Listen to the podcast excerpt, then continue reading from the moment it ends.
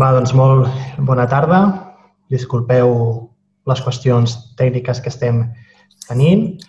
Eh, hem de celebrar el ple ordinari del mes de, de maig i abans de res, abans de passar als punts de, del ple, hem de fer la pregunta per tal que sigui vàlida la sessió, per tal d'assegurar-nos que tothom està en territori de l'estat espanyol. Entenc que si ningú diu el contrari és, és així.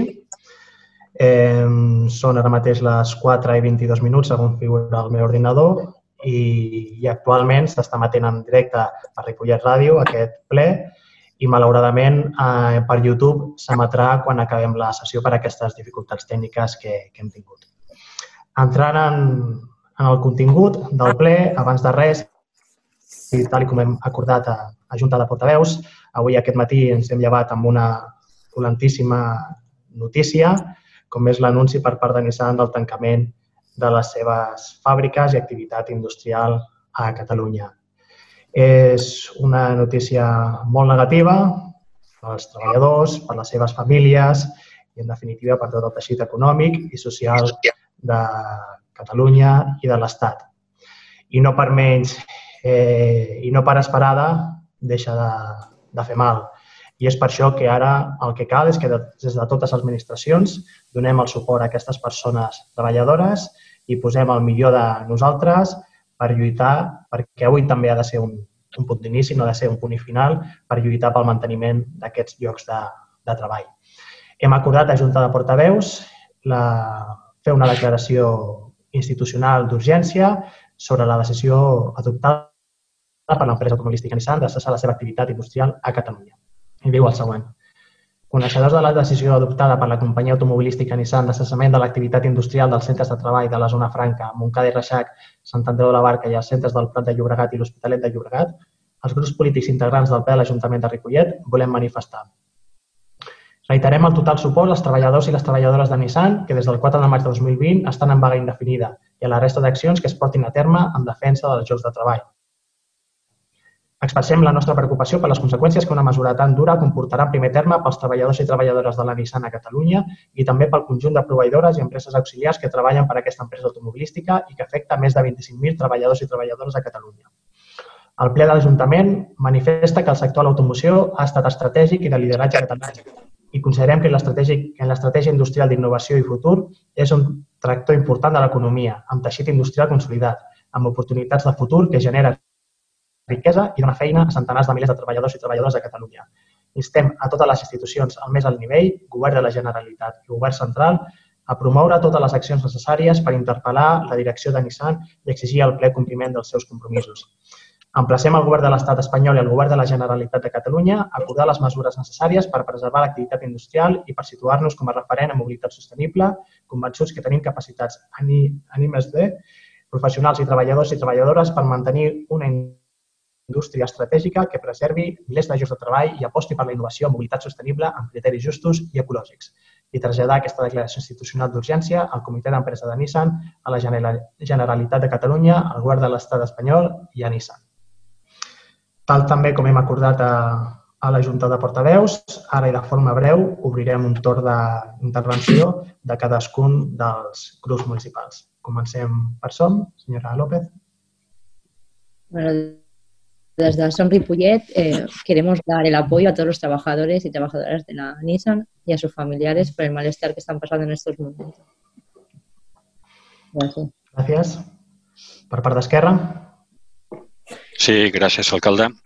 Des del, nostre grup, des del nostre grup municipal volem manifestar el nostre suport en, aquest, en aquesta declaració institucional que, que en bon, en bon encertar ha llegit, com també amb el nostre suport a l'acompanyament acompanyament a totes les persones i de retruc, evidentment, a totes les famílies afectades. Aquest anunci del tancament de, de la planta de Nissan eh, a totes llums és una, una mala notícia, però en aquests moments que vivim, si em permet l'expressió, és una mala doble notícia. Uh, no volem, uh, evidentment, no volem oblidar a les, empreses, a les, a les empreses i a les més de 25 persones, 25.000 persones, com molt bé també ha llegit vostè, uh, que també es veuran afectades per la seva a relació indirecta eh, amb el tancament de la planta de Nissan de la zona franca. Moltes gràcies. Gràcies, Eugeni. Ciutadans? Sí, per part nostra manifestar doncs, que el tema de la Nissan és un desastre de dimensions considerables, eh, que no ens ho podem permetre i tot el nostre suport tant als treballadors com a totes les institucions per tal de garantir la continuïtat de la planta. Gràcies. Gràcies. PSC? Senyor Martos, em penso que volies fer de la paraula. Sí, si em permet el senyor alcalde, em sembla que el senyor Martos ens està escoltant però no, no pot parlar. Em sembla que no, no li està funcionant l'àudio. Volia intervenir ell en aquest punt. El motiu és el següent. El motiu és el, el, el senyor Martos ha sigut treballador de Nissan durant 20 anys i, i òbviament, com a exempleat i, i jubilat de Nissan, volia, volia, volia dir unes paraules. Però, bueno, en aquest sentit les faré jo com a portaveu, ja que ell no, no, tècnicament no pot. Eh, des del PSC estarem, recolzarem, òbviament, eh, totes les accions que es prenguin des del municipi. Jo crec que hem de lluitar per preservar els llocs de, els llocs de feina. Pensem que, que és una, avui és una notícia molt trista. Eh, vam poder estar fa un parell de dies amb els treballadors que estaven fent vaga a la porta de Nissan, puguem parlar amb els sindicats.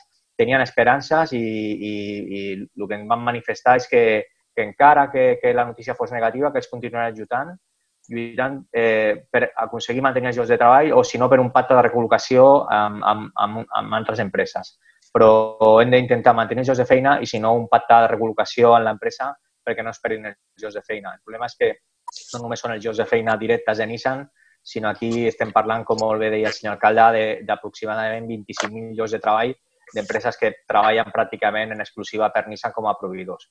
Per tant, el COP és, és enorme per eh, tot Catalunya, per Espanya i també pels municipis eh, com Ripollet i Montcada, que, que sortiran molt afectats i hem de recolzar els nostres veïns i veïnes. Per tant, estarem en tot amb el govern per, per fer tot el que calgui per, per intentar mantenir els llocs de treball.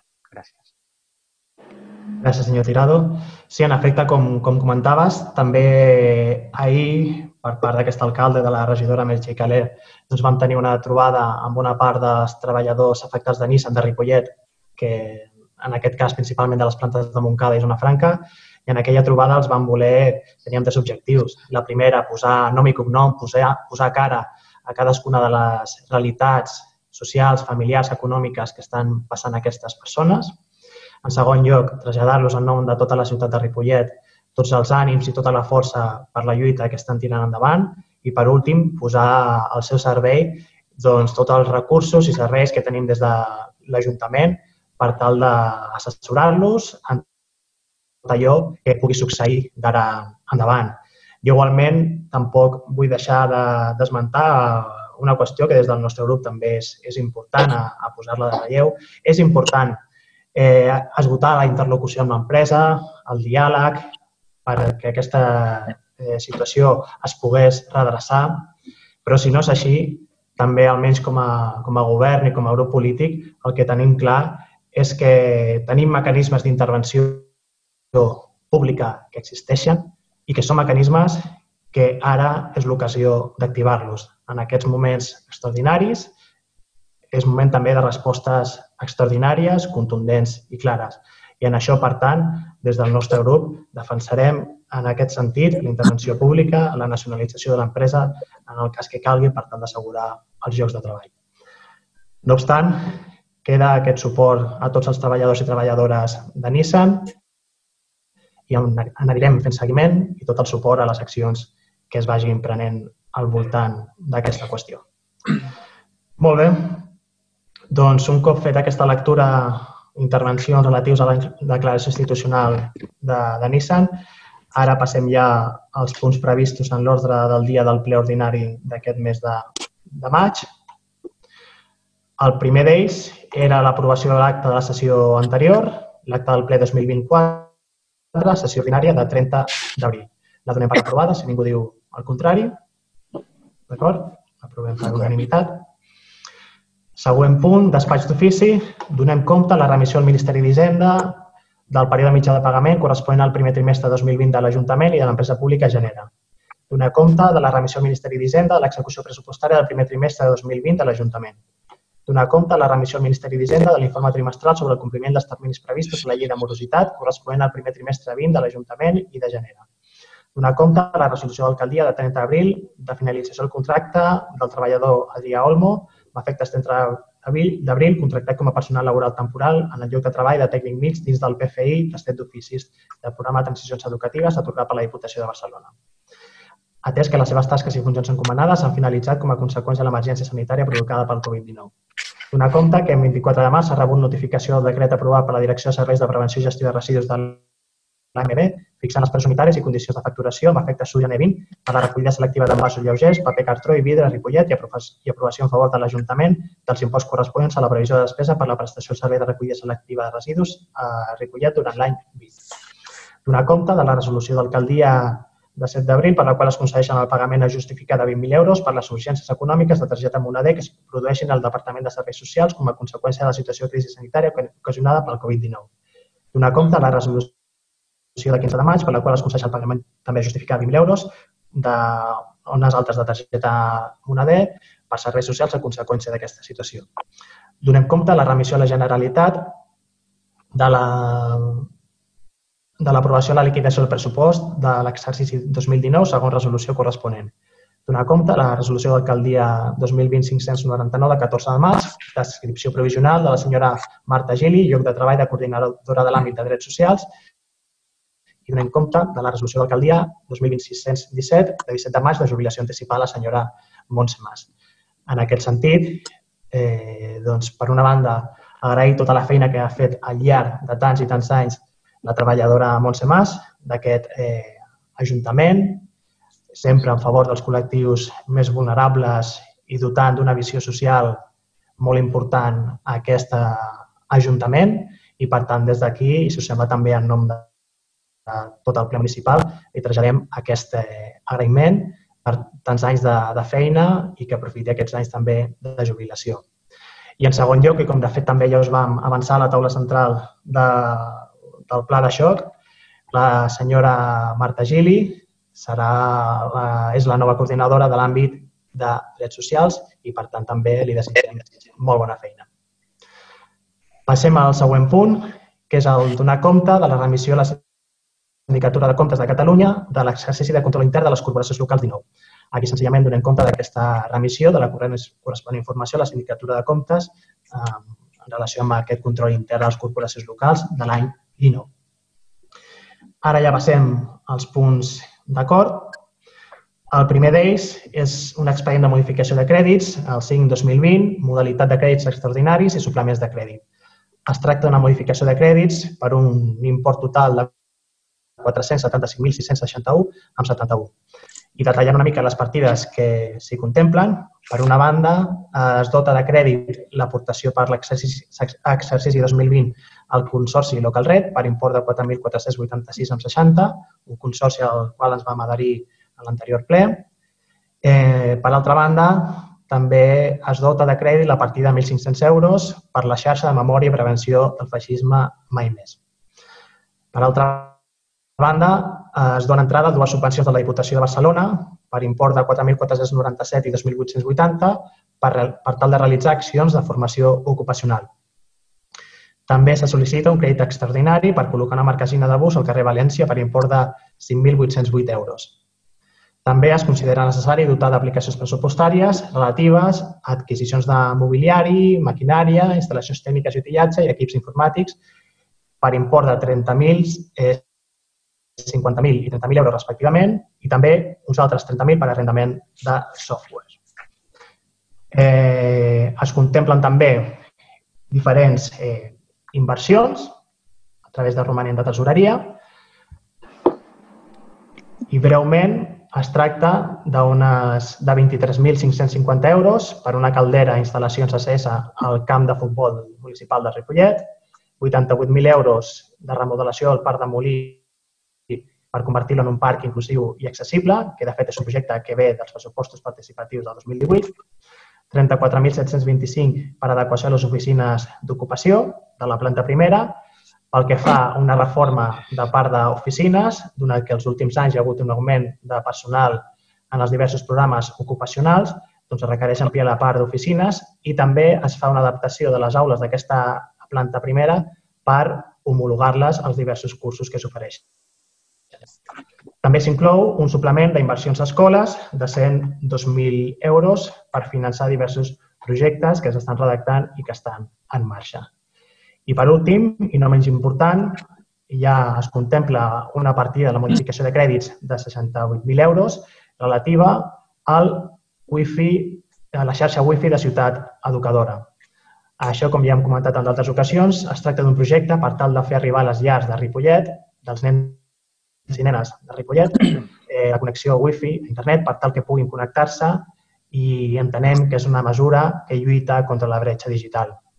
És un projecte que ens hagués agradat executar ja, però també és cert que, segons la llei, això ens indica que hem de fer una licitació i, per tant, eh, esperem que estigui, farem tot el possible per tal que estigui enllestit a inicis del curs escolar 2020-2021. I, aquest, I aquests a grans trets doncs, és el resum d'aquesta modificació de crèdits. Per part meva, sense més, obrim torn de posicionaments. Senyora Melody. Sí, nosaltres votarem a favor.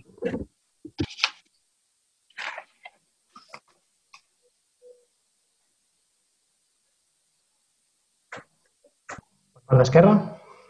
Sí, gràcies, senyor alcalde. En aquest cas, nosaltres eh, manifestarem el nostre vot d'abstenció, eh, tot i reflectint de que com a expedient eh, que, que engloba diferents, eh, diferents aspectes eh, i punts, i evidentment punts de criteris, doncs hi ha alguns amb els quals eh, el nostre criteri podria ser totalment diferent, però no per això manifestarem altra cosa que, que el nostre vot d'abstenció. Gràcies. Ciutadans? Nosaltres votarem a favor. Molt bé. PSC?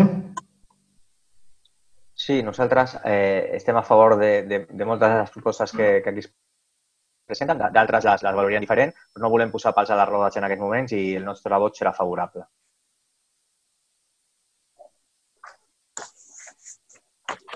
Moltes gràcies. Doncs amb l'abstenció d'Esquerra i el vot favorable a la resta queda aprovat aquest punt i agrair el suport dels partits que li han donat suport.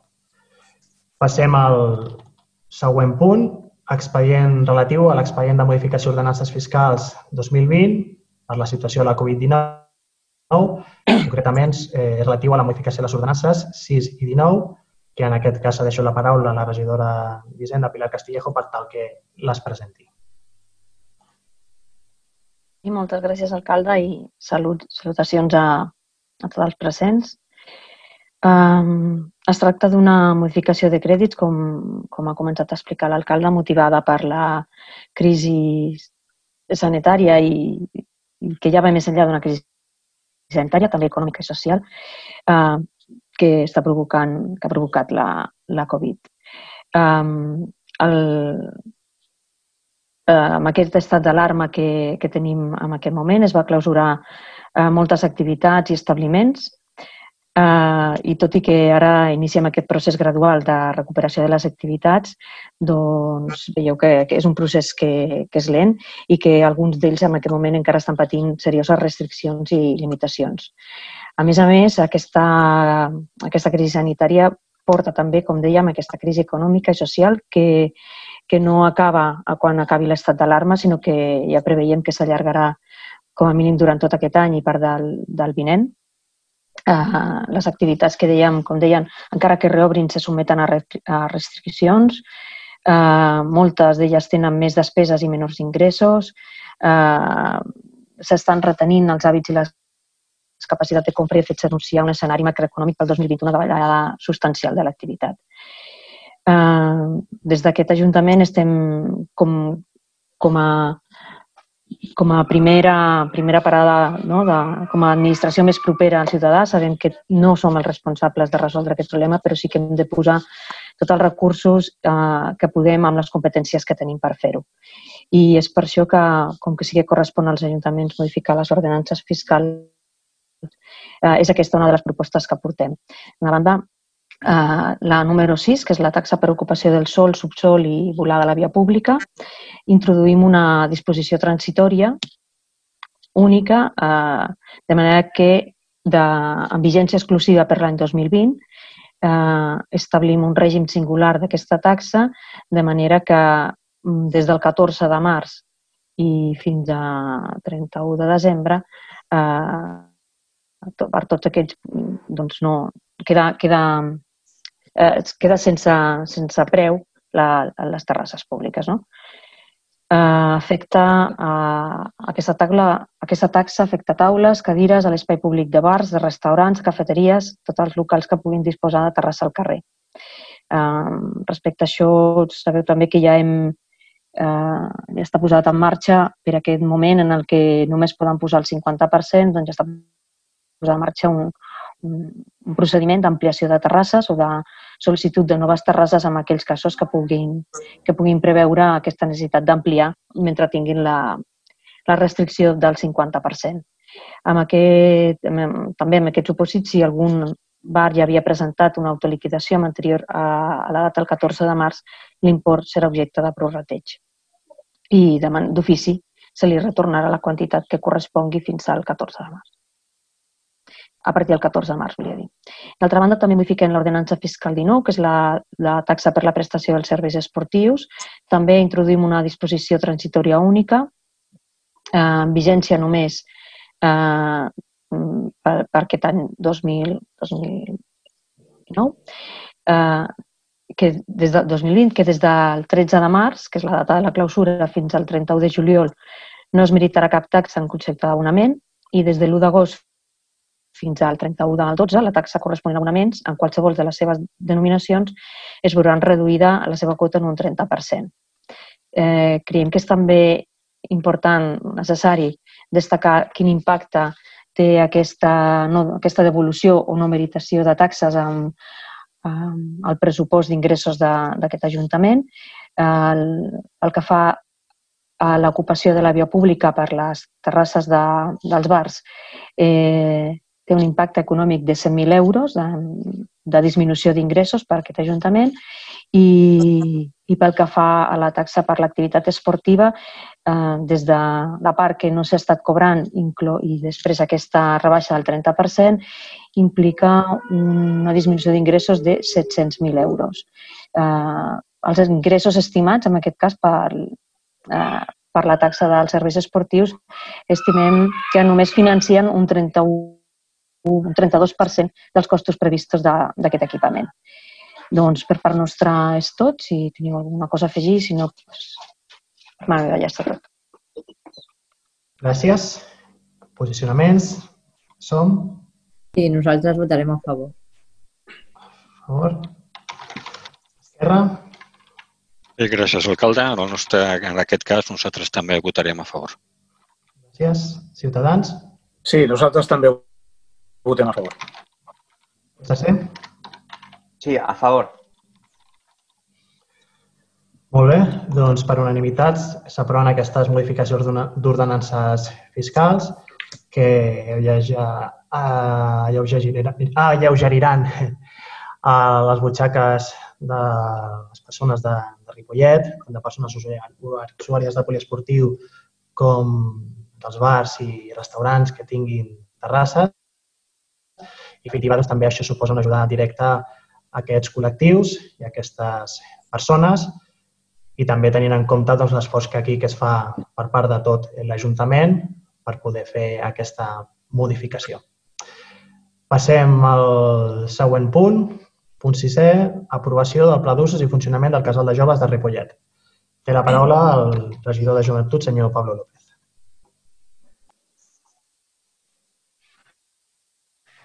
Hola, bona tarda a totes.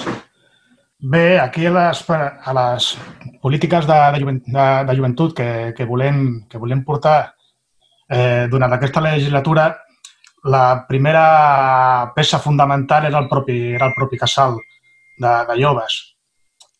Ens trobàvem que, que es, es feia petit les instal·lacions que, que n'hi havien, entre altres coses perquè mitja regidoria ja eh, estava situada al propi casal. I, I amb aquesta visió de treure la, la regidoria per guanyar-li espai per, per al jovent, eh, vam, vam veure oportú pues, fer un plantejament i una crida per donar-li les paraules, la paraula al jovent per, per a veure què, què volia fer. I s'ha eh, portat, a, portat endavant un, un pla eh, i una crida al jovent, a les entitats juvenils i als propis tra treballadors perquè allí volquessin les seves inquietuds i les seves, i les seves propostes.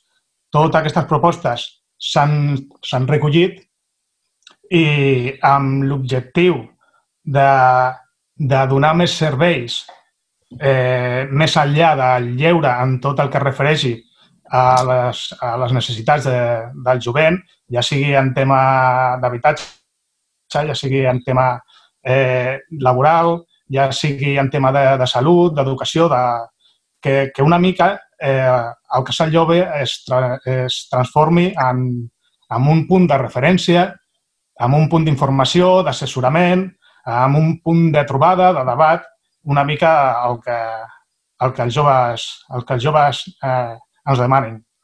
I, I res més. Més enllà de valoracions polítiques que pot tenir aquest plat, que les, les valoracions polítiques ja les treballarem eh, més endavant en, quan, quan ens fiquem amb el pla local de joventut, eh, és aquesta primera, primera acció que, ens, que aquest pla d'usos ens, servi, ens serveixi eh, de guia i d'orientació fins, fins on, on volem anar. Gràcies, Pablo. Intervencions per part de SOM? Sí, nosaltres en aquest cas votarem abstenció però tenim una sèrie de, de qüestions que fer, que són les següents. Eh, ¿Dónde está el educador del carrer? ¿Ya no se cuenta con esta figura en el nuevo modelo del casal?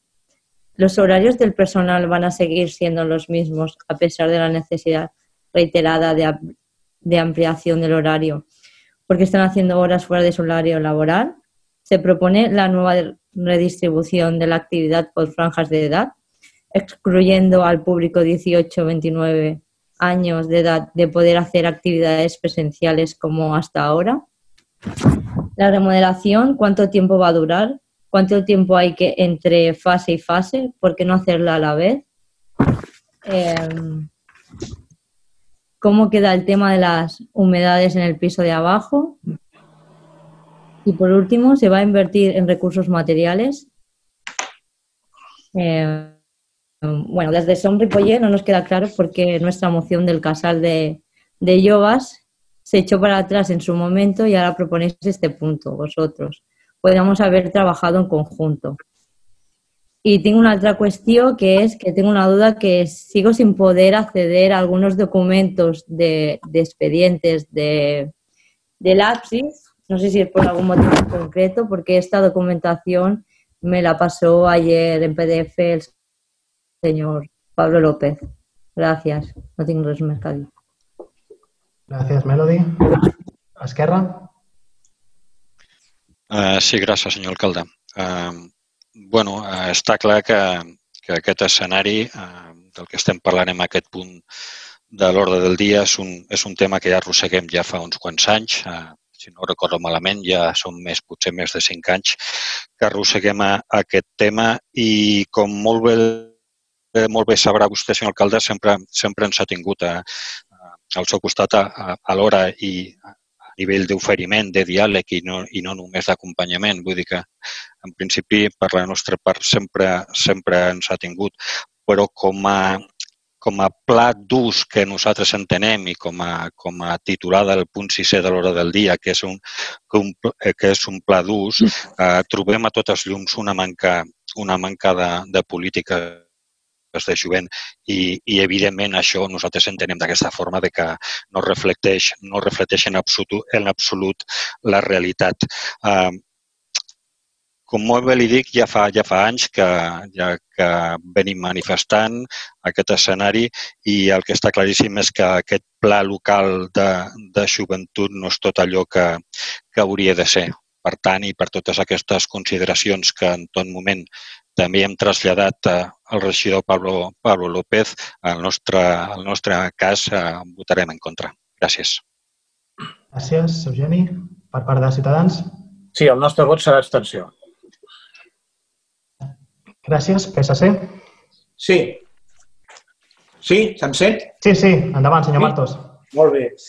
Bé, eh, tal com ha comentat el senyor Pablo, ha sigut molt amable, perquè ha dit que el local era petit bueno, bàsicament no és que fossi petit, tots coneixem aquell local, en què està, i més aviat és un sòtano per no ser, diguéssim, agressiu i dir que és quasi un ful.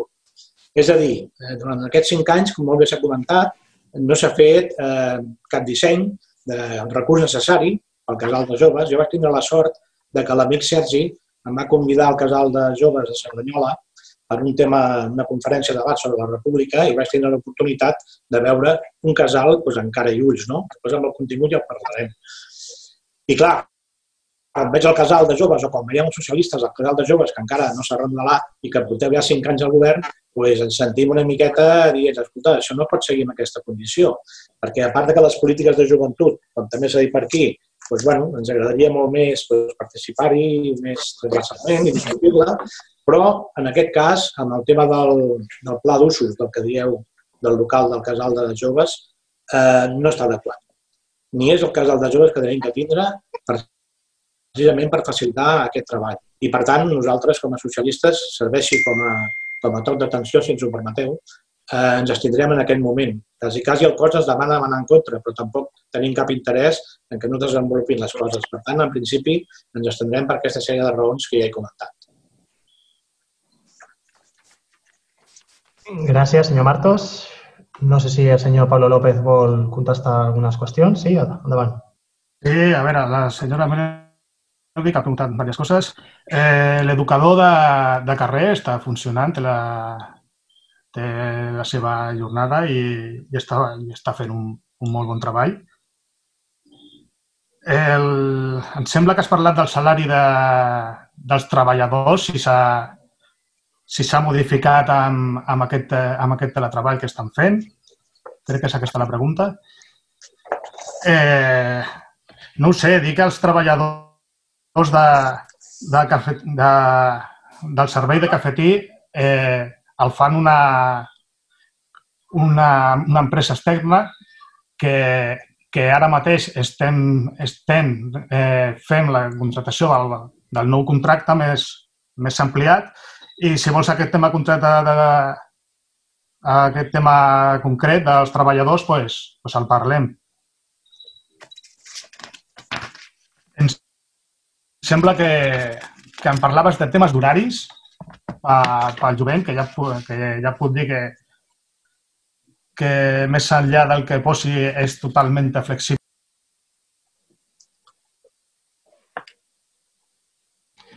Pablo, has tallat el micròfon. Pablo, sí, no et sentim. Ah, has tancat el micròfon. Ara? En el tema dels horaris t'havies quedat. Sí, en el tema de, del, dels horaris que, que, bueno, que, el, que la gent de, del, casal de, del casal de joves eh, té tota la voluntat de, de, de ser el màxim flexible possible per adaptar-se als, als horaris i a les necessitats que, que, puguin, que puguin esdevenir el, el jovent. El tema de les humetats eh, ja s'està mirant, ja tenim un, una memòria feta i, i de, fet pel, pel pròxim curs hauria de, hauria d'estar arreglat les humitats de, del casal. Els, els recursos materials, quan, quan parlem de... No, no sé ben bé a què et refereixes, però quan nosaltres veiem les polítiques de, de, de joventut, el nostre imaginari eh, té més a veure amb, amb xarxes i amb accions, amb accions socials i, i esportives i, i amb criteris d'assessorament, de, de, comunicació, de, de, fer, de, de que la societat jove de, de Ripollet eh, tingui aquestes possibilitats de portar, de portar cap endavant els seus projectes que de, que de recursos materials. No sé, no sé ben bé a què, a què et refereixes, si, si haveu detectat alguna mancança en, en particular. a, a l'Eugeni d'Esquerra que, em, que em diu que manca de, manca de, de polítiques de, amb, amb aquest pla. Ja li diem que aquest no és el pla local de, de joventut, que ja, es treball, que ja, està, ja el treballarem i agafo la paraula al tothom que, que ho ha comentat, el tema de, de les polítiques i de la intervenció dels partits polítics, però, però en aquest cas, al ser uns usos, eh, hem considerat que té més valor la paraula, de, la paraula dels joves, de les entitats i dels treballadors del, del propi equipament que, que la paraula, que la paraula de, dels polítics. Amb un, I estic dient amb un pla d'ús d'un equipament. Quan parlem del pla local, ja sí que, ja sí que ho tindrem que treballar entre totes. I, i el tema de la participació política que, que deia el Martos i que, i que es queda petit, pues, bueno, ja, ja ens agrada que, que el principal grup de, de l'oposició tingui al cap a fer coses més grans i més equipaments molt més grans i, i, i millors, ja em sembla bé. Ara, ara mateix, i més en la situació que, que estem, es fa difícil pensar en equipaments molt, molt, molt més grans que, que ja diem que la, visió de, que la visió que tenim no és de fer una, eh, eh, una centralització de, del que és la, la societat jove, sinó que els joves estiguin, amb, eh, estiguin reunits i, i, i, i aglutinats als, als barris i que aquesta xarxa i les polítiques de joventut eh, no es centralitzin. Que, que un punt de referència no significa que totes les polítiques de, de joventut esdevinguin en el casal jove. I, Eh, però ja li dic, ja, ja ens agrada que tingueu aquesta visió de que, de que s'han de crear més coses per, per al jovent i molt més gran. Res més. Molt bé, gràcies. No hi ha cap més intervenció. Jo, dues qüestions. Com ja ha comentat el senyor López, l'educador de carrer continua treballant i, de fet, el que està és vinculat al servei socioeducatiu per anar molt més enllà del que fins aleshores hi havia. I un altre altre aclariment, també, tot i que també el Pablo ho ha avançat, pel que fa a les, les unitats, està previst també resoldre-ho. De fet, en el mateix expedient de modificació de crèdits eh, també hi havia uns informes, unes actuacions per suplementar crèdit i poder resoldre aquestes qüestions que es puguin, també es puguin executar eh, tan aviat com millor sigui. Molt bé, doncs amb el vot contrari d'Esquerra, les abstencions de som Ciutadans i PSC i el vot favorable del govern, queda aprovat aquest pla d'usos i funcionament del casal de joves de Ripollet i com també ja s'ha comentat per part dels diversos grups, doncs segurament en tindrem ocasió de seguir-ne parlant eh, a través del pla local de joventut i sobretot, com també s'ha esmentat, a través de, amb el mateix jovent i amb els mateixos eh, treballadors que, eh, que estan acompanyant aquest jovent. Mm, ara ja passem al punt de les mocions que hi ha una única moció presentada, en aquest cas pel grup de Ciutadans, moció en contra de la intervenció dels estalvis dels ajuntaments per part del govern d'Espanya. Qui la defensarà? Hola, buenas tardes. Endavant. Buenas tardes, señor alcalde. Endavant. Eh, eh, saludos a todos. Paso a leer la moción, ¿vale? El COVID-19 nos ha hecho modificar no solo nuestros hábitos cotidianos, sino nuestro modo de entender la sociedad. Cualquier persona puede entender que esta pandemia mundial nos va a llevar a una crisis socioeconómica sin precedentes y los datos auguran que así será. La Autoridad Independiente de Responsabilidad Fiscal contempla dos posibles escenarios, ambos con apertura económica a mediados de mayo, que es optimista que, con los diferentes ritmos a fases de desescalada y los planes cambiantes del actual gobierno. Uno, sin que sea necesario volver a encerrar un mes más a la población por un rebrote duro del virus en otoño, escenario 1, y otro en el que haya que añadir más tiempo de encierro en de producirse el mencionado rebrote de SARS-CoV-2 escenario 2. En la evolución del PIB, la, Autoridad Independiente de Responsabilidad Fiscal eh, contempla que en el 2020 el PIB caerá entre el 8,9 y el 11,7%, con un crecimiento del 2021 de entre el 4,6 y el 5,8%. Por su parte, el Gobierno estima una caída del 9,2 en el 2020 y una subida del 6,8 en el 2021. Es decir, la Autoridad Independiente de Responsabilidad Fiscal, en el mejor de los casos, contempla una caída en el 2020 similar a la del Gobierno, pero en, su escenario más duro contempla una recesión de 2,5 puntos superior a la cifra del Ejecutivo. Al mismo tiempo, la Autoridad Independiente de Responsabilidad Fiscal no espera un rebote tan importante limitado al 5,8%, el crecimiento del 2021 en el mejor de los casos, un punto menos que la del Gobierno, que en el escenario 1 de la Autoridad Independiente de Responsabilidad Fiscal llega a ser un 2,2 puntos inferior. El último día de abril, el Gobierno de Sánchez enviaba a Bruselas la actualización del Programa de Estabilidad para los años 2020 y 2021, donde decía que España crecía de manera robusta y equilibrada antes la llegada de la enfermedad y que todo hacía indicar que la recuperación sería fuerte, en V asimétrica, según Calviño. Como es obvio, estos datos actualmente no son válidos. Actualmente nos encontramos con una situación económica que generará un mayor número de parados al previsto por el Gobierno, que dejaba la tasa de paro en un 19% en el 2020 y un 17,2% en el 2021. Y por el efecto de la renta mínima permanente que quieren introducir, cuyo coste podría llegar a los 17.000 millones de euros anuales, según se puede estimar desde la cifra que en junio del 2019 publicó José Luis Escriba, cuando presidía dicho organismo, aunque ahora ha dicho serán solo 3.000 millones. Esto produce un falsamiento de datos del paro que generará un mayor gasto social y no solucionará la débil economía española. La realidad, según muchos expertos, es que el paro superará el 30%, provocando una caída de la recaudación del IRPF. A estos datos hay que sumarle que los dos meses de estado de alarma del Gobierno no ha pagado a más de 700.000 trabajadores que están en situación de ERTES.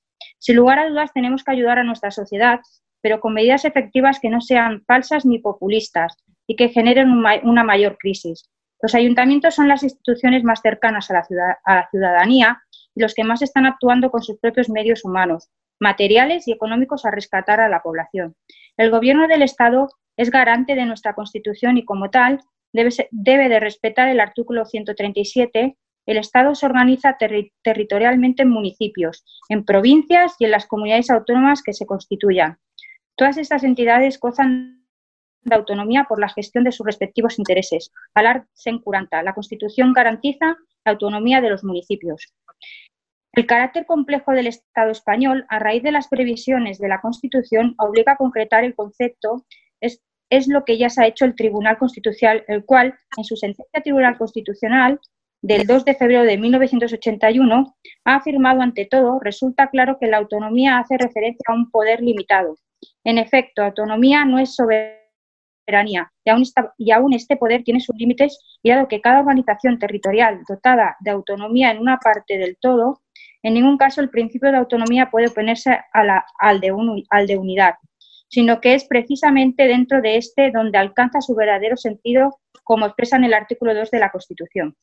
La doctrina del Tribunal Constitucional enfatiza el carácter de la autonomía local en cuanto a derecho a participar en la gestión de sus intereses respectivos de estas comunidades, matizando en su sentencia Tribunal Constitucional del 19 de octubre que sería contrario a la autonomía municipal una participación inexistente o meramente simbólica que hiciera inviable la participación institucional de los ayuntamientos, por lo cual el Gobierno de España debe hacer posible que los ayuntamientos dispongan de todos los recursos económicos para hacer frente a la crisis provocada por el COVID-19. El Gobierno autorizó a las entidades locales para la movilización del 20% del superávit, acumulando para medidas del refuerzo ante la crisis. Este ahorro de los municipios viene a la ley de la estabilidad presupuestaria del 2012 y podría superar los 11.000 millones de euros. El temor de los alcaldes es que el gobierno del PSOE y Podemos pretendan hacerse con este dinero y no dejar a los ayuntamientos disponer de él. Tanto es así que 15 de las ciudades más importantes de España han hecho frente contra la intervención de sus ahorros por parte del Gobierno central. Ciudades donde gobiernan todos los colores políticos como son Madrid, Barcelona, Sevilla, Zaragoza, Málaga, Murcia, Palma, Las Palmas, Bilbao, Alicante, Córdoba, Valladolid, Vigo y Gijón. El Grupo Municipal de Ciudadanos insta al Ayuntamiento de Ripollet a la, a la adopción de los siguientes acuerdos. Primero, exigir al Gobierno de España que agilice y aumente el porcentaje de superávit acumulado de los, ayuntamientos que pueden gastar para tomar medidas enfocadas a la ayuda de la economía local, tanto de las familias como de las empresas. Segundo, solicitar un compromiso por escrito del Gobierno de España al de PSOE y Podemos para que nos sustraiga el superávit acumulado de los ayuntamientos españoles. Tercero, dar traslado del resultado de esta moción mediante los medios de información pública municipal a los vecinos de Ripollet. Y cuarto, dar traslado de estos acuerdos al Ministerio de Hacienda, al Gobierno de España, al Congreso de los Diputados y al Senado. Cierro micro, ¿eh? Gracias. Obrim tot de posicionaments. Som? A favor. A favor. Esquerra? També votarem a favor. A favor. PSC? Sí, el, el mes passat van, van aprovar una moció molt semblant que va presentar Esquerra que anava en el sentit de derogar l'Arsal. Jo crec que era més ambiciosa que aquesta, que aquesta moció que, que, que es presenta avui. En la moció que, que avui presentem, que presenta el grup de Ciutadans, jo la diria, la diríem des del nostre grup en, en dos parts. Una, la part d'exposició de motius, amb la qual, òbviament, eh, hi ha moltes coses en les que no podem estar d'acord, des del moment que, que es tilden de mesures populistes i falses mesures les que està prenent el govern de, de Podemos i, i el PSOE des d'Espanya. No podem estar a favor d'aquests comentaris. Per altra banda, els punts d'acord, òbviament, ja es van recolzar a la moció anterior. Eh, per tant, com que tenim una part que no estem d'acord i una altra part que sí que estem d'acord perquè ja van recolzar-la i és repetit, eh, el nostre sentit del vot serà l'abstenció. Gràcies. Per part de Decidim, senyor Sergio Linares. Sí, hola, bona tarda a totes. A veure, des de fa anys vivim un atac a l'autonomia municipal des de diferents institucions. Un atac que es va iniciar arran de la crisi financera internacional del 2007, provocada pel capitalisme especulatiu i que va troncar la vida de milions de persones i que més va provocar una crisi de deute. Davant d'aquesta situació de crisi, la resposta de la Unió Europea va ser aprovar l'any 2009 l'anomenada Regla d'Or, mitjançant la qual els estats membres es comprometien a reformar les respectives constitucions per introduir el concepte d'equilibri pressupostari. Un concepte que a la pràctica significa que la disponibilitat dels fons de les administracions públiques queden condicionats al càlcul del dèficit de l'Estat. A Espanya aquesta reforma es va aplicar l'any 2011, amb el canvi de l'article 135 de la Constitució espanyola. Arran d'aquesta reforma, l'any 2012 es va aprovar la Llei Orgànica d'Estabilitat Pressupostària i Sostenibilitat Financera i l'any 2013 la Llei de Base de Règim, de règim Local. Lleis que, lleis que constrenyen a la capacitat d'acció municipal en qüestions tan importants com la contractació pública o les inversions a realitzar. Fins i tot van viure experiències com les disposicions addicionals dels pressupostos estatals de 2017, que posteriorment i feliçment anul·lades pel Tribunal Constitucional que cercaven legislar contra la capacitat dels ajuntaments per portar a terme municipalització de serveis i així beneficiar les empreses privades. Ara, el 2020, vivint una nova crisi, que embranca la del 2007, que encara continua. Només podem de veure el cas de, de l'empresa Nissan. Si bé aquesta nova crisi ha estat provocada per un virus, no és menys cert que les retallades i les mesures de contenció de despesa publicades dels darrers anys han provocat que les administracions públiques estiguem pitjor preparades per enfrontar-la, amb una gran manca de recursos humans, materials i econòmics. En el cas de les administracions locals, gran part d'aquesta mancança s'ha degut a la immobilització dels fons municipals per part de l'Estat arran de la regladora europea. Aquest fet, com hem viscut a l'inici de l'actual crisi, demostra que aquesta va ser una decisió econòmica, política i, sobretot, humana errònia. Com s'indica al text de la moció, aquesta crisi ha afectat a l'economia i la nostra forma d'entendre la societat. Per això calen decisions polítiques valentes de totes les institucions, especialment les locals, tant per atacar les primeres conseqüències socials de la crisi com per adaptar-nos a la nova realitat que ens tocarà viure d'ara en endavant. Per poder fer-ho possible, és imprescindible recuperar la plena autonomia municipal i tenir la capacitat per administrar els fons municipals que ens permetin realitzar les contractacions i les inversions necessàries. No és tolerable mantenir les actuals restriccions a la despesa local ni seria tolerable admetre'n de noves per molt que suavitzessin les anteriors i governi qui governi.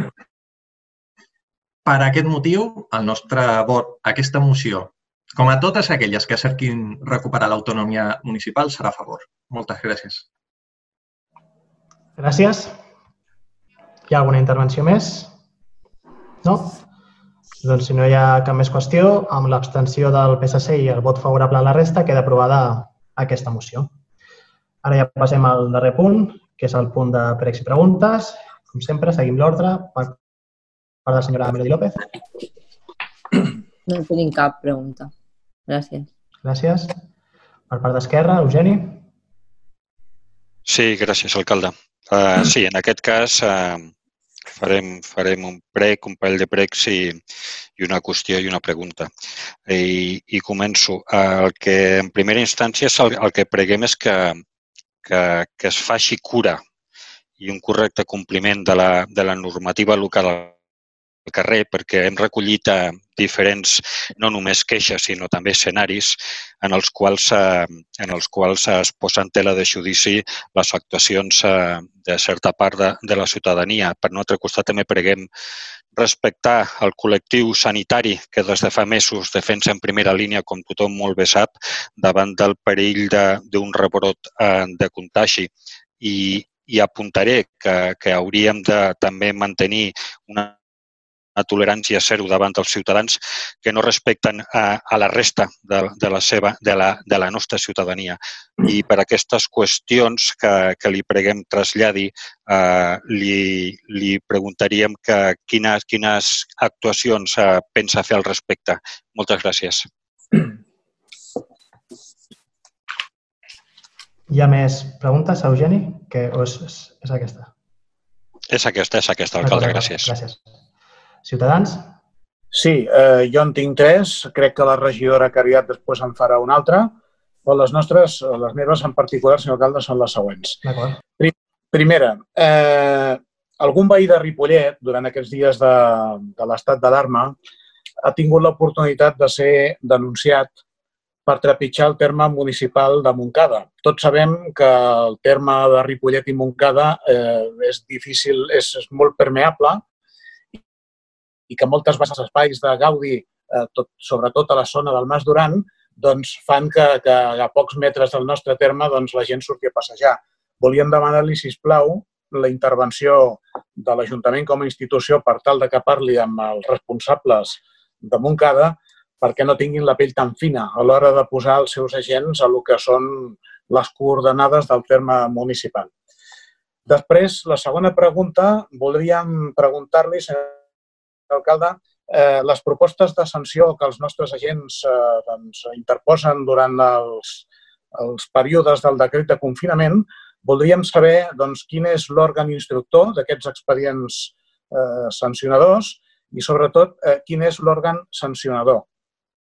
I per tercera qüestió, volíem demanar, eh, dir-li, perquè aquest mateix matí el nostre grup parlamentari ha interposat una proposta de resolució al Parlament de Catalunya en el sentit de que molts ajuntaments, entre ells Ripollet, en el seu dia, van denunciar a la Generalitat de Catalunya pels impagaments reiterats als atrasos en matèria de les guarderies municipals i hem tingut una sentència que és ferma per part del Tribunal Superior de Justícia de Catalunya i hem demanat, repeteixo, el nostre grup parlamentari, de que es pagui de forma immediata, amb la necessitat que tenim ara els ajuntaments per tenir eh, liquidesa econòmica, econòmica perdó, i volíem demanar també la seva mediació per tal d'apretar en el Parlament de Catalunya doncs, perquè Ripollet pugui cobrar doncs, aquests diners com més aviat millor. Gràcies.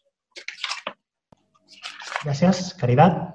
Sí, mira, eh, te quería, os quería preguntar que cuando algunos vecinos nos han preguntado que cuándo se va a regularizar la zona azul de aparcamiento por el día del mercadillo y cuando, por si se sabe cuándo es la fecha de regularización. Muchas gracias. Gracias. Senyor Tàpia ha, ha, ha marxat, no? Sí, sí efectivament. La feina, sí, d'acord. Doncs PSC. Hola, buenas. Hola. Eh, yo tengo tres preguntas.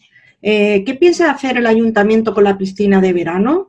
¿Piensan reducir el aforo? ¿Pondrán franjas horarias? ¿Cerrarán el bar y los vestuarios? ¿Qué medidas van a tomar? Eh, la segunda pregunta es, ¿cuándo tienen pensado reanudar el servicio de las trabajadoras de limpieza del SAT. Y la tercera pregunta es, ¿qué acciones se prevé hacer con la Gengram ahora que el casal de Avis está cerrado y qué previsión hay de la fecha de obertura y en qué condiciones? Gràcies. Gràcies. Vosaltres mateixos, la, la resta de regidors del PSC? Hola, bona tarda a tots. em sentiu bé? Uh, bueno, volia fer dues preguntes. Uh, la primera pregunta està relacionada o molt relacionada amb el que ha comentat el regidor Eugeni i també el Josep Gavarra, és en relació a, a, l'ús que s'està fent de, ara que està una mica el procés de desescalada de, de, de les vies públiques. En aquest sentit, eh, sobretot per la por que, que hi ha a tenir un rebrot de, de, de, de, de la Covid és eh, quines opcions està duent a terme el govern i si s'han obert expedients sancionadors o si quines sancions s'han fet a nivell de, de mesures que, que, hagi, bueno, que hagi pogut fer el, el, intervencions policials. I, i també m'atreveixo a, a fer un, un prec en aquest sentit a, a l'equip de govern. És que, que tot el, totes les sancions que s'hagin pogut fer a, a totes les persones persones, o no sé si al final sancionaran o sancionaran els expedients sancionadors a, les persones, és que tot el que es pugui recaudar, o sigui, que, que, que es doni per, per les persones o per que, que, que ho necessiten o que eh, tot el que es recaudi que, que vagi a parar a persones i sobretot a assistència social. Després, eh, una, altra, una altra pregunta una altra pregunta eh, és ben encaminada en tot el tema de, dels ajuts eh, econòmics que, que, que segurament entenem que, que l'equip de, de govern està reclamant, som, sobretot en temes de, de les ajudes excepcionals que, estan, que estan proposades per, per l'equip de, de, del Partit Socialista, si s'han demanat, eh, si quines accions s'han fet, eh, com està el, el nostre municipi a nivell de, de, dels CERTOs que s'han presentat en les diferents eh, empreses que s'hagin acollit a, aquest, a, als ERTOs. Si a nivell d'assistència social eh, s'ha rebut més eh, demanda per part de, de la població del municipi, del nostre municipi per, per tota la situació econòmica que, que, bueno, que es pugui devenir i que esdevindrà i si l'equip de govern té intenció de d'alguna forma eh, amb, amb la llaut que vindrà de tota el demanda de, de sobretot de, de persones de, que puguin ser eh, o esdevenir eh, persones de, demandants d'assistència social si, si té previst incrementar el, la ràtio de, de personal o, o ajudes per, per poder eh, pal·liar segurament el que vindrà ara. Gràcies. Següent. Hola, bona tarda. Gràcies. Uh, jo faré tres preguntes referents a l'àrea d'educació. De, Entenem la situació que hi ha hagut, però mm, les famílies eh, no tenen informació de, de quina mena de servei de casals d'estiu s'oferirà a Ripollet i estem a primers de juny i encara no sabem res. Eh, en quant a l'escola de música, eh, voldríem saber si ja hi ha una resolució de l'expedient que va generar la licitació, si sabeu si al setembre o, o a l'octubre es podrà iniciar el servei. Després, eh, si hi ha pretensió d'obrir les escoles bressols municipals eh, aquests mesos eh, vinents de, de juny, juliol, mm, tenint en compte que moltes famílies és possible que es reincorporin a les seves feines de forma presencial. I és tot. Gràcies. Bona tarda.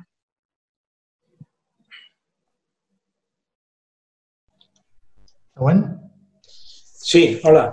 Bona tarda una altra vegada. Eh, bé, jo tinc més aviat, més que preguntes, vull fer tres peticions d'informació. La primera és pel regidor Pablo.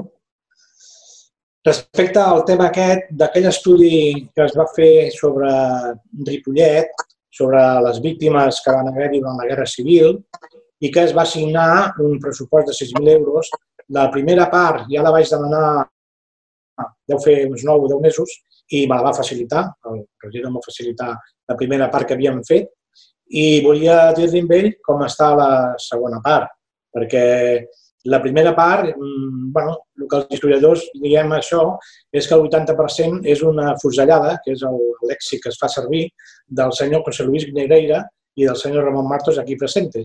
I bueno, m'agradaria també que la gent es llegissin les coses quan es fan i es paguen.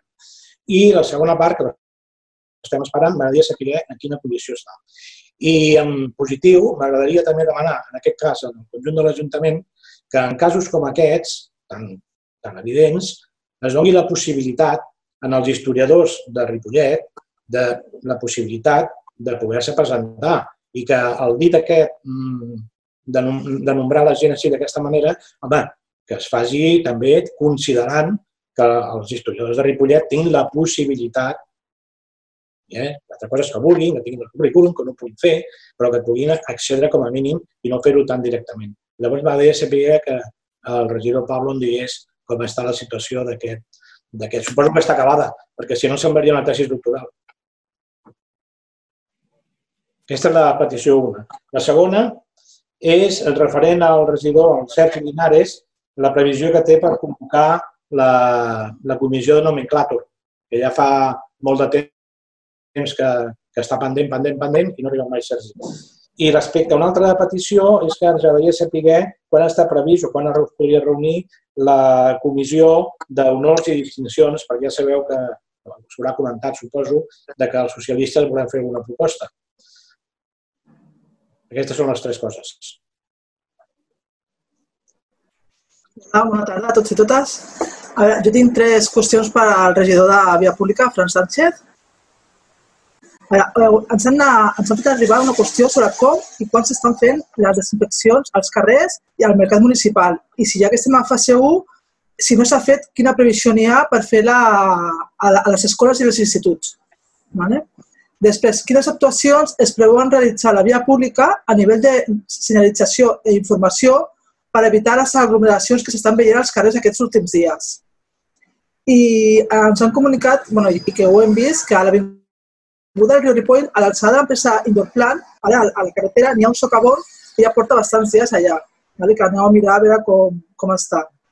I després eh, hem, hem, bueno, hem, hem rebut notícies per part de l'Ajuntament, vale, vostre, de que l'empresa Sarbus ha, ha començat a fer l'horari normal, ja que estem a fase 1, però l'empresa Ford continua fent l'horari restringit que feia abans que estàvem a, amb la, la fase 0 o fase 0 ampliada eh, està previst o se sap quan la font començarà a fer el bé normal o una mica més d'ampliació, vist que la gent ja comença a anar a treballar a Barcelona i realment els autobusos comencen a anar una miqueta atapeïts. Gràcies, bona tarda. ¿Retirado? ¿No?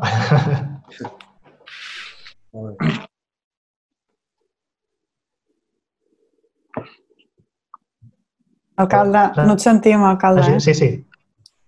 Regidors, regidores de govern que vulguin contestar qüestions. Eh, vaig donar la paraula a los que me salís aquí primero. Eh? eh Sergio Linares. Sí, hola, hola de nou. Sobre el tema de la previsió convocatòria comissió nomenclàtor. Aquí el Ramon ten raó, que ha anat molt lent, hem anat canviant la manera que ho volíem fer, us reconec que ha anat lent, tens tota la raó.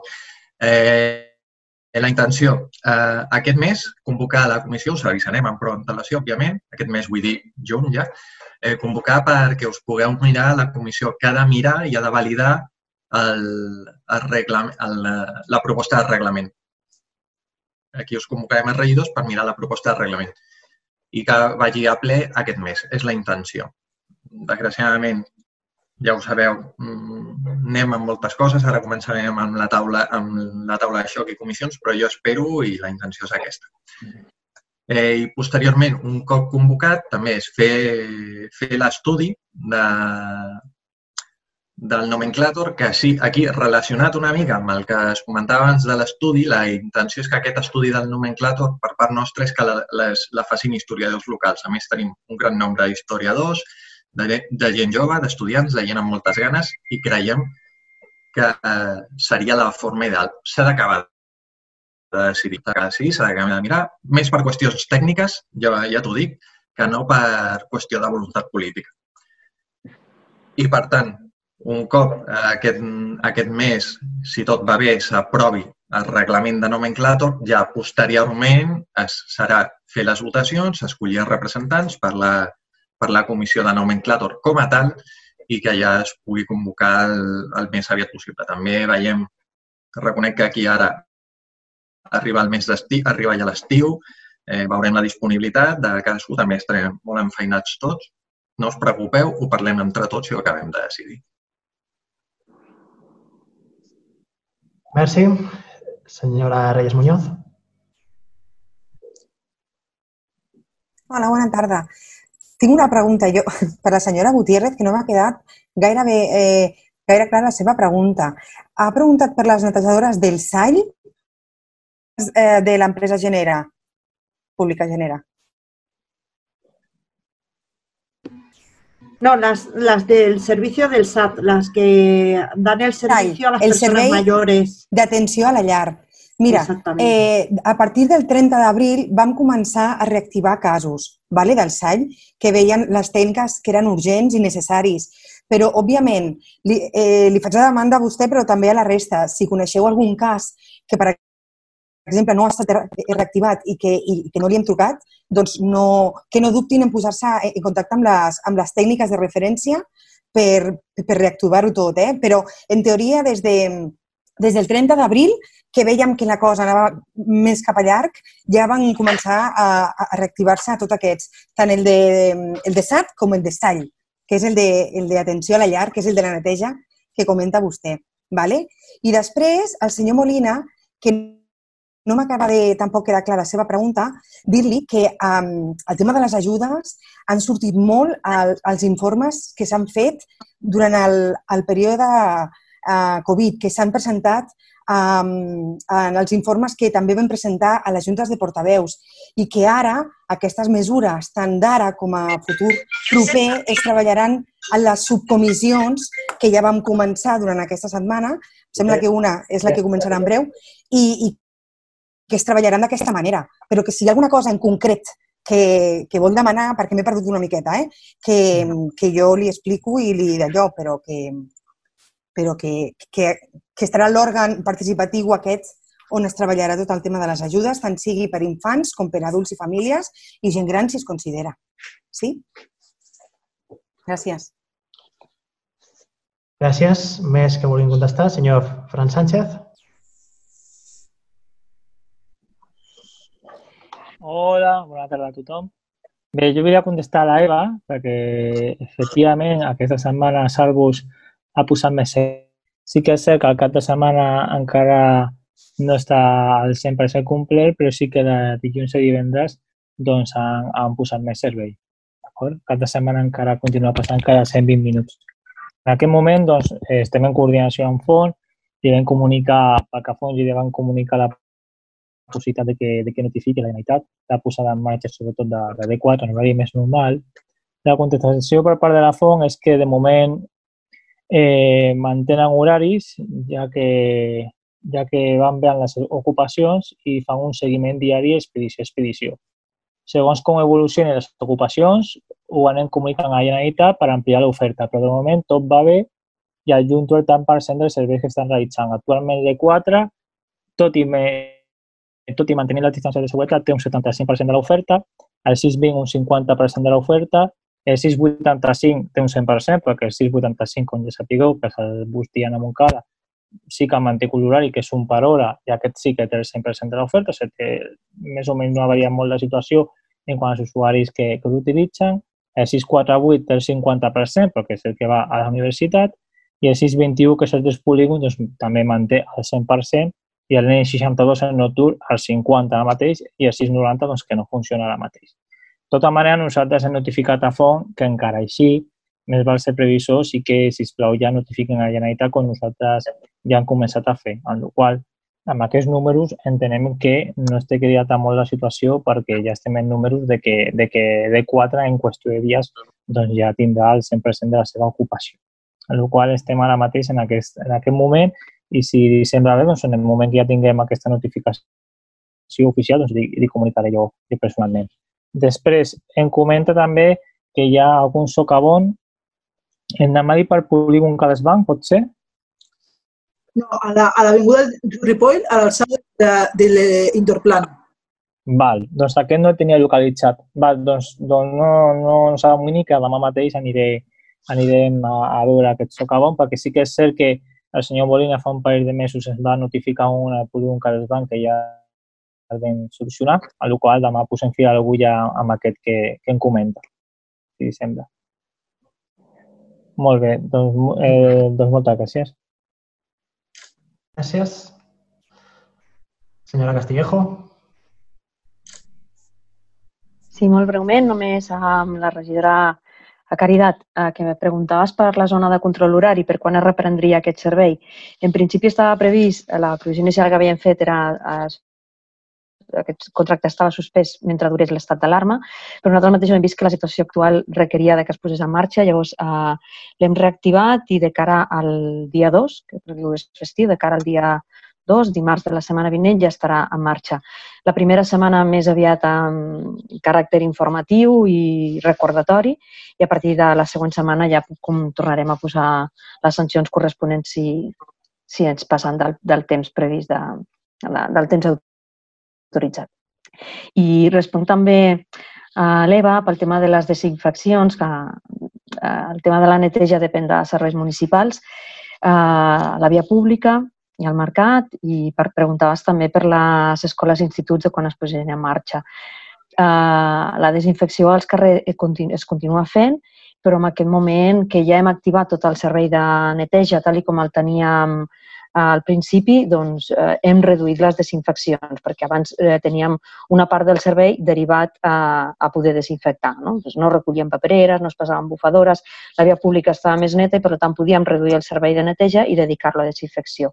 En aquest moment que la via pública s'està utilitzant de manera massiva, una pregunta que ja fent referència, doncs el, el servei de neteja està totalment posat en marxa i si recordeu teníem una partida d'emergència dedicat a aquest tema de desinfecció i per tant la continuem fent, però més centrada en els països de, de més afluència de gent, entrades de, de botigues, d'ambulatoris, també sobretot de policia eh, o dels equipaments municipals oberts en aquest moment.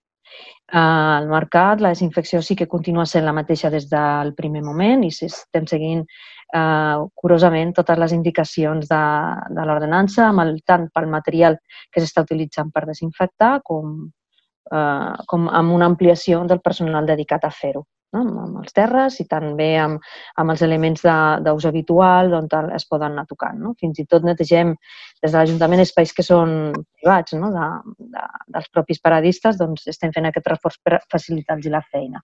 I pel que fa a escoles i instituts, eh, tots els equipaments municipals, quan es van tancar, es van fer una neteja general i una desinfecció de tots ells i, i en el moment que es, van, que es tornen a obrir, s'acondicionen de nou. No? Tornem a a netejar i tornem a obrir, per exemple, amb escoles de cara a la prescripció, eh, que ja es feia a la part presencial, determinava molt clarament en quines condicions d'higiene s'havia de fer, llavors en, doncs anem fent seguiment estricte de tota aquesta normativa. I a mesura que anem obrint, doncs anem, com, tornem a, a reactivar la neteja dels edificis municipals.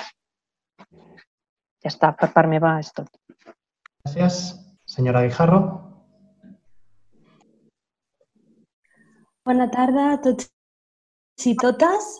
Uh, sí que és cert que a la fase 2 està prevista l'obertura de les piscines municipals, però això no vol dir que quan passem a la fase 2 immediatament doncs, puguem uh, prestar aquest servei. De moment ens trobem en una fase d'estudi de com aplicar tota aquesta normativa i totes aquestes directrius en aquest espai. Per tant, ens estem preparant per quan arribi el moment poder obrir-ho. Clar, no sabem com, està, com, com avançarà tota aquesta situació i bueno, sí que estem contemplant tot el tema de l'aforament, que ara, per exemple, està limitat a un mínim del 30%, però el mateix, això, si, si no podem garantir les mesures de seguretat i higiene bàsiques, doncs es podria veure més reduït aquest aforament. Uh, també estem treballant amb el Departament d'Informàtica per tot el tema de la cita prèvia, per com gestionar aquest accés a la, a la piscina i, i bueno, les altres uh, mesures com la senyal sensibilització o la conscienciació de, de la normativa respecte a aquest estiu en aquests espais. Gràcies. Gràcies. Senyor Oriol Mor.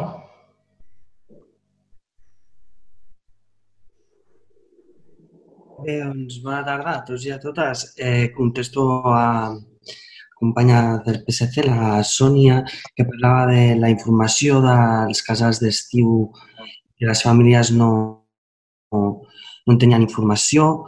Durant, aquesta, durant la primera setmana de juny ja començarà a haver informació. Penseu que totes les directrius eh, que s'han passat doncs, gairebé són de l'última setmana, de la setmana passada, i tot això doncs, ha suposat també posar-nos i els esborranys que hi havia, tornar-nos a mirar-los i intentar aplicar doncs, això. Dir que la, la comissió de casals està treballant, les seves entitats estan treballant eh, per, per, per poder donar aquest servei, sempre i quan doncs, també tenint en compte doncs, que, que no seran uns casals normals, no? no seran uns casals com els que hem conegut fins ara i no només això, sinó que, que possiblement hi haurà tot el número de places que hi havia i que s'oferien doncs, en anys anteriors.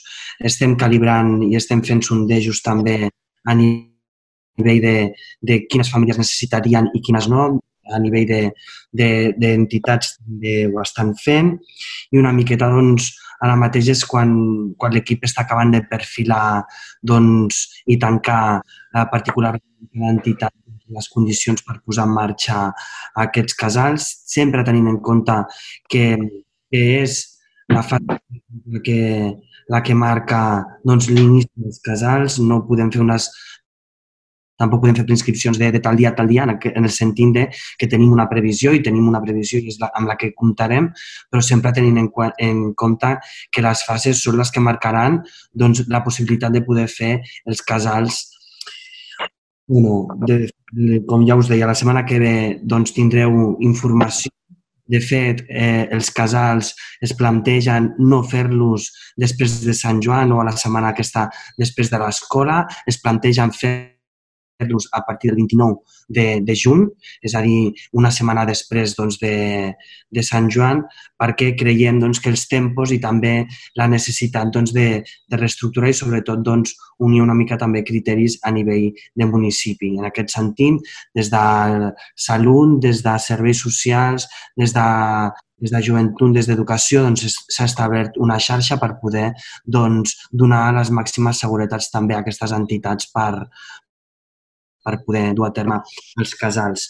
I sempre tenint en, en compte doncs, també, no? que les mesures de seguretat també són, són importants, però també és important doncs, que, que calibrem totes les famílies, les necessitats que se'ns generen a partir d'aquesta nova situació, on la conciliació no l'han de donar els casals d'estiu, sinó la conciliació hem de poder exigir a les empreses que ens donin aquesta conciliació familiar, sobretot perquè hem de, de doncs, que, que possiblement aquests, aquest, aquests casals dins d'aquesta crisi sanitària doncs, també eh, s'ha de fer amb molta cura i amb, i, amb molt, i amb molta mirada cap al desgast emocional que també poden patir els nens a l'hora doncs, de, de fer aquests casals d'estiu que possiblement doncs, tinguin limitacions no? i en aquest sentit doncs, la setmana que ve donarem tota la informació, estem treballant i sobretot doncs, intentarem, doncs, com hem fet sempre, moldar la realitat Generalitat de Ripollet, intentar doncs, doncs, trobar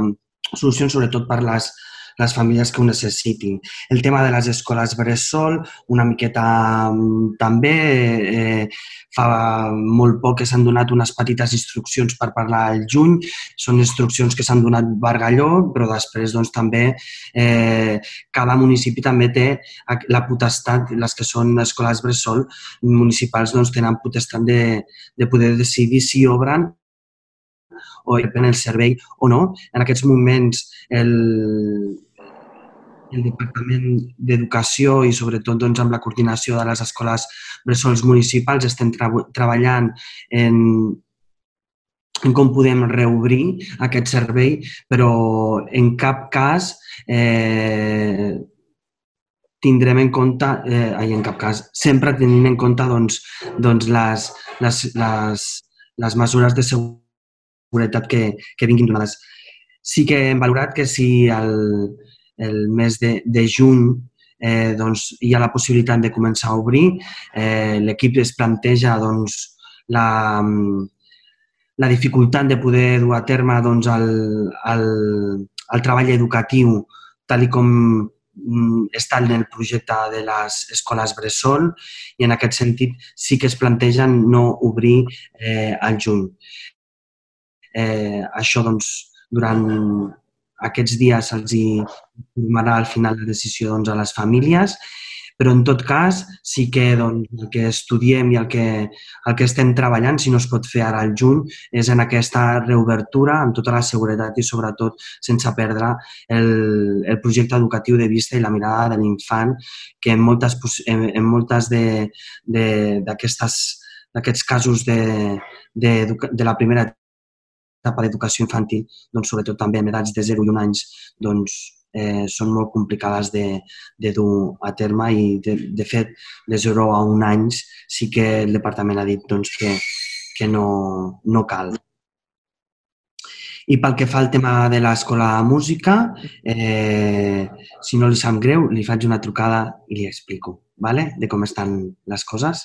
Si algun grup de la posició també doncs, vol saber com està, doncs doncs, eh, que ens ho faci saber i, i, us, i us fem cinc cèntims de com està aquest tema. Algun regidor o regidora més? Sí, senyor Plata, davant, Eric. Sí, bona tarda a tots i totes. Uh, respondrà la regidora Mari Carmen del grup del PSC en relació a l'obertura del casal d'avis i accions que, que es preveu fer. En quant a l'obertura del casal, estem a l'espera de que ens facin arribar instruccions del Departament d'Afers Socials, eh, sí, Socials per als usos i activitats que, que es preveu que es puguin començar a realitzar al casal d'avis al territori. I respecte a les accions que es preveu fer amb gent gran, està previst treballar-les a la subcomissió de, de gent gran de l'àrea de drets socials que, que hem convocat per al dimecres 17 de juny, no m'equivoco, amb les entitats eh, polítiques. De totes maneres, per part nostra, proposarem diverses activitats de caire terapèutic, eh, d'activitat esportiva i de suport emocional per a la gent eh, gran, oberta a tot, a tot el col·lectiu actiu. Per fer una detecció molt, molt, molt més precisa de la gent més afectada emocionalment i poder tractar de manera més individual eh, aquests casos. Però ja et dic que, de totes maneres, eh, tot això està per treballar a la, a la subcomissió de, que hem convocat per el proper, bueno, per el dimecres de 17 de juny. Gràcies. Per finalitzar, algunes qüestions. Una qüestió genèrica relativa al tema de, de seguretat que ha sortit per part de diversos eh, grups polítics. Comparteixo la preocupació amb el compliment d'aquestes mesures preventives i de seguretat, però tampoc eh, el que podem esperar és que policia pugui amb tot, perquè no seria realista ni seria tampoc eh, just. Al final hi ha set agents de, per torn de servei i aquests set agents eh, tingueu el convenciment que no paren amunt i avall per tot el municipi, pels parcs, pels carrers, per les principals zones concorregudes fent complir aquestes mesures de, de prevenció i de seguretat. Eh, també és cert que moltes vegades les indicacions o contraindicacions o correccions o BOEs o, o DOCs no faciliten tampoc moltes vegades eh, que hi hagi una comprensió senzilla per part de la ciutadania dels diferents, de les diferents mesures, horaris, etc. Per tant, aquí el que és imprescindible és que policia local hi actuï, és imprescindible que la gent eh, en prengui consciència, que apel·lem a la responsabilitat col·lectiva i individual i, per suposar, doncs, també tot allò relatiu a l'espai públic i als equipaments públics que es posin a les eines i els recursos per facilitar aquestes eh, mesures de prevenció i de seguretat i que, de fet, en part ja s'estan fent, en tot el tema de peatonalitzacions de certs indrets més concorreguts. També s'ha estan fent pel que fa al repartiment de mascaretes i, evidentment, doncs per qualsevol tipus de, de proposta, com també ja vam parlar en la taula del pla de xoc, doncs també estem oberts per estudiar-la i, i, contem, i contemplar-la. Alguna resposta més concreta pel que fa a aquesta qüestió, pel que fa al senyor Gavarra. Eh, aquestes propostes de sancions que hi van haver per traspassar termes municipals, perquè no estava clar quin era, la, en aquest cas, el límit entre Ripollet Ripollet i Montcada. Eh, efectivament, ja en el mateix primer moment ja vam parlar des de Ripollet amb els responsables de l'Ajuntament de Montcada, tant a nivell policial com a nivell polític, amb la seva alcaldessa, i, eh, i aquest tema, almenys segons tinc entès, es va resoldre de forma ràpida, instal·lant uns panells de senyalització de final de terme eh, municipal i també no hi ha cap problema amb la policia local de Montcada i Reixac. Eh, pel que fa a les propostes de sanció, mm, també al regidor Tape ja li vaig passar fa uns dies el volum d'aquestes propostes de sanció i, i a dia d'avui estem al voltant de més de 400 propostes de sanció per part de policia local per incompliment d'aquestes mesures indicacions de seguretat i de l'estat d'alarma. També en aquest, en aquest sentit, per la vostra i per la meva tranquil·litat, eh, l'òrgan sancionador, això és la, la Generalitat, segons tinc entès, eh, pel que m'han comentat l'inspector cap de policia local. És a dir, policia local, un cop fa la proposta de sanció, la introdueix en una base de dades que, que gestionen els Mossos d'Esquadra. I són els Mossos d'Esquadra i, per tant, des de la Generalitat de Catalunya, en la qual es fan aquest tràmit de sancions, per la qual cosa, en aquest cas, l'òrgan sancionador no és cap òrgan de, de l'Ajuntament ni és aquesta uh, alcaldia. Amb la qual cosa, també lligant amb la qüestió, amb la pregunta que feia el senyor Molina, aquesta recaptació que hi hagi de les sancions no la recaptarà l'Ajuntament, sinó que pel que tinc entès la recaptarà la Generalitat. O en tot cas no serà l'Ajuntament qui, qui recaptarà a, a aquestes sancions. Mm, breument també, pel que s'ha comentat de la comissió del, del nomenclàtor, és una feina que per part del regidor Sergio Linares, per part de, de govern, doncs es va avançar conjuntament amb el jovent republicà i el grup Esquerra eh, Republicana, però també de la moció que va presentar en el, en el seu moment. Eh, es va avançar molt en la proposta de, de reglament. Eh, la situació també que hem viscut per Covid doncs, ha impedit eh, poder-ho tirar endavant, entre d'altres raons, i per tant, ara quan puguem, doncs, tal com ha dit el, el regidor, doncs, activarem aquesta comissió i traslladarem a la proposta de reglament per tal que sigui validada i aprovada per l'òrgan que, que es caigui. I per últim, bueno, les qüestions que no han estat contestades es faran arribar per, per escrit i en tot cas també apel·lar a, a seguir amb el bon treball iniciat aquesta setmana pel que fa a la taula del pla de xoc, a les diverses subcomissions de treball i en aquestes diferents subcomissions doncs, també és l'espai adient i adequat per poder seguir desenvolupant qualsevol dubte que tingueu al respecte d'aquestes qüestions, així com també la resta de, de propostes que vulguem treballar conjuntament. Jo crec que podem estar satisfets de com estan anant almenys aquestes primeres sessions de la taula i les subcomissions de, del Pla de Xoc, de les bases per a la reparació i recuperació social i econòmica de, de Ripollet i, per tant, animem-nos a continuar endavant amb, amb aquesta direcció. Molt bé, doncs per part meva no hi ha res més. Així doncs, donar-vos les gràcies en primer jo per la paciència, pels problemes tècnics que, que hem tingut i sobretot per totes les vostres aportacions al llarg d'aquest ple i de nou a la vostra disposició per tot allò que creieu convenient. Moltíssimes gràcies. Secretària, no em deixo res, oi? Molt bé, doncs moltíssimes gràcies i ens veiem. Ah, ah per cert, recordem que eh, hem, convocat, hem, ho hem comentat de portaveus, convocarem pel proper dijous a les 12 del migdia un ple extraordinari amb, en el qual el punt de l'ordre del dia serà relatiu a la pròrroga i modificació del contracte del servei d'atenció domiciliària que caduca ara aviat la primera, els primers dies de juny i abans de que faci efectiu aquesta caducitat hem de fer la, efectiva la pròrroga i modificació. Ho volíem haver portat en aquest ple, però donada la, la situació, la llau de feina que també es té des de drets socials, doncs no s'ha pogut completar l'expedient a temps. No obstant, eh, crec que tots entenem aquesta situació i, per tant, el proper dijous farem aquest ple extraordinari per a aquest punt, que us enviarem la convocatòria i el contingut tan bon punt el tinguem preparat. Moltes gràcies per la comprensió i per la feina i fins molt aviat.